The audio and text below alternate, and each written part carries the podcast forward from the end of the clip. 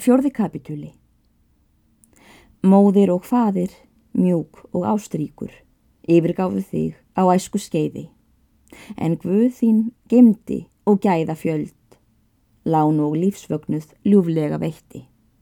Jóð há. En svo nærðum á geta var lengi döft í hlýð eftir þennan atburð. Þorstinn hafði verið maður vinsæl og varð hann harmdauði öllum á heimilinu og víðar er menn höfðu nokkur kynni af honum.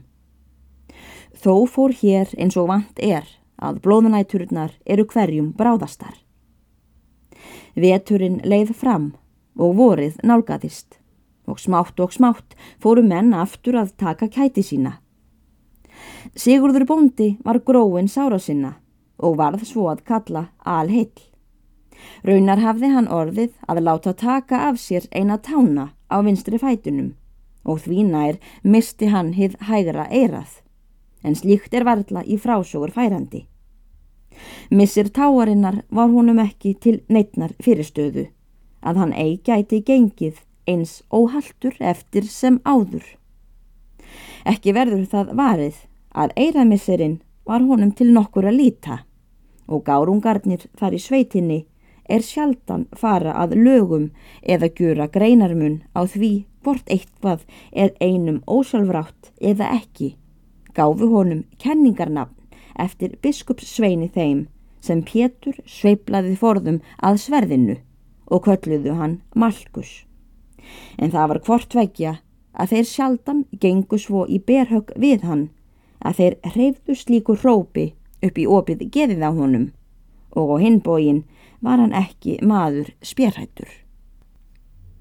Sigrún Littla, dóttir Þorstins heitins, hafði verið mjög elskað föður sínum og mátti varðla stundu lengur af honum sjá. Fyrsta daginn eftir andlátt Þorstins var Sigrún þráspurul um hvar babbi hennar væri, en að því menn heldu að hún myndi verða óhugandi ef henni væri sagt satt frá um afdrif hans tóku menn það ráð að skrökva því að henni að hann hefði farið ferð suður á land en að hans var í brátt von aftur.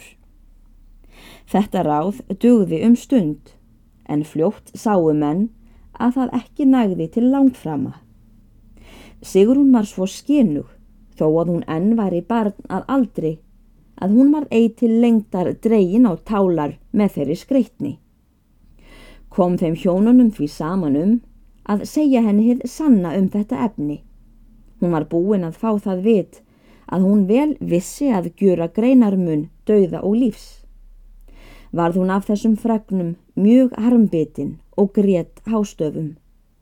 En bráð er barnslund og svo fórum Sigrúnu litlu. Hún grétt sárt en glattist skjótt og glemdi bráðum föðurmissinum. Harmur hennar var af ást og söknuði en ekki af eigingirni því hún vissi ekki hvaða afliðingar hann hafði fyrir hanna og að hún var munaðarlaus er hún misti föður síns við. Þegar hér er komið sögunni var það veitt skipti seint á útmánuðunum sama veturinn sem Þorstin varð úti að þau hjónin í hlýð sátu tvö einn inni í húsi sínu á baðstofulofti. Húsið stóð opið en engir menn voru í baðstofunni nema þurriður gamla kurði þar í hinum enda baðstofu í rúmi sínu.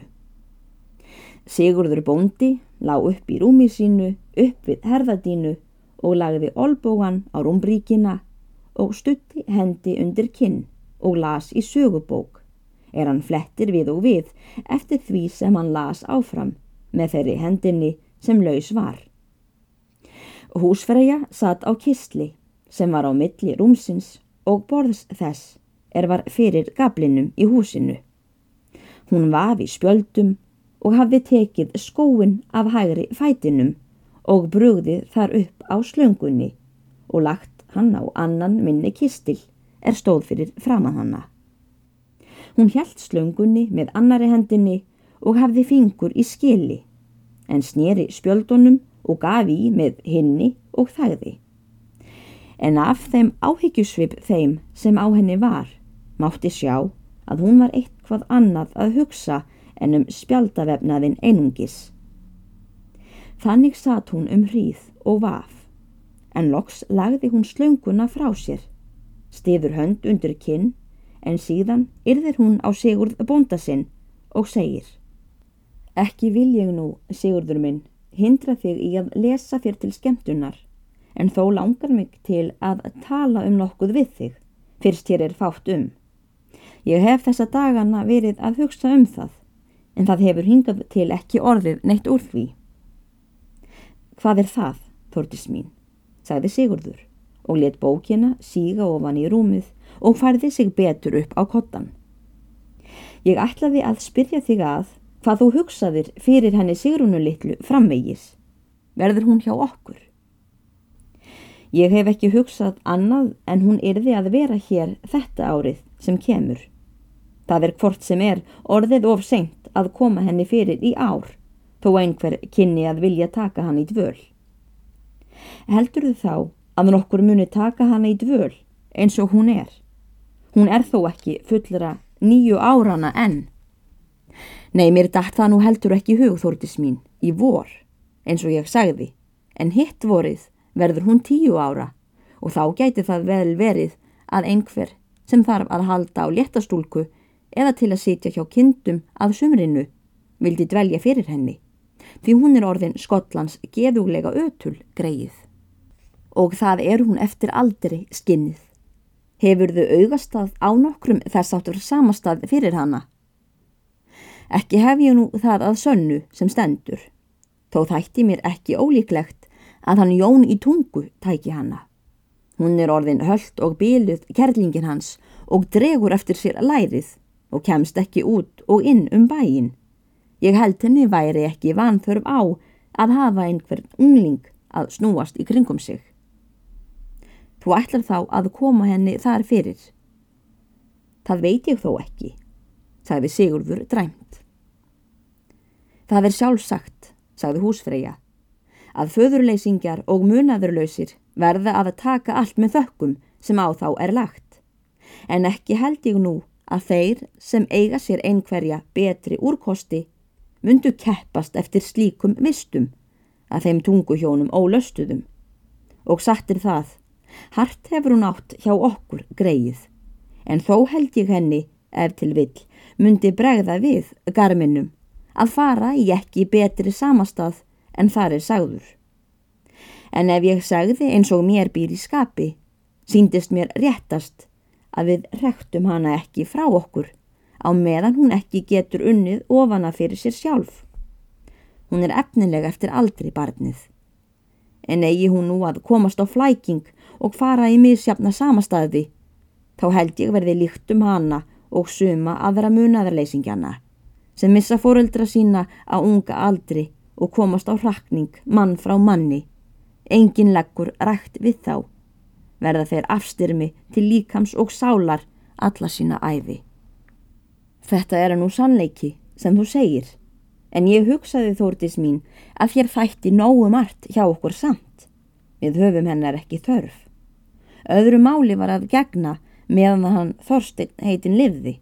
Þá varð hún að vera hér, því þó það væri þungt að halda hann með ómaga. Þá vissur þú það að ég vildi vinna það til heldur en missa hann frá okkur. Því ekki var að tala um verkin hans og trúmennskuna og mesti fripnaðar maður á heimili og aldrei óvinnandi. Annars hefði ég ekki haldið hann með ómaga í sju ár. Eða voru það ekki átta ár sem hann var hjá okkur? Jú, hún var þryggja vetra, hún sigur hún litla, eða á þriði ári þegar hann fór til okkar. Og nú er hún þetta á það tíunda síðan slættinum í sumar eða var. En þar sem þú talar um trúmennskuna hans Þorstins heitins, þá verður aldrei ofsögum af henni sagt.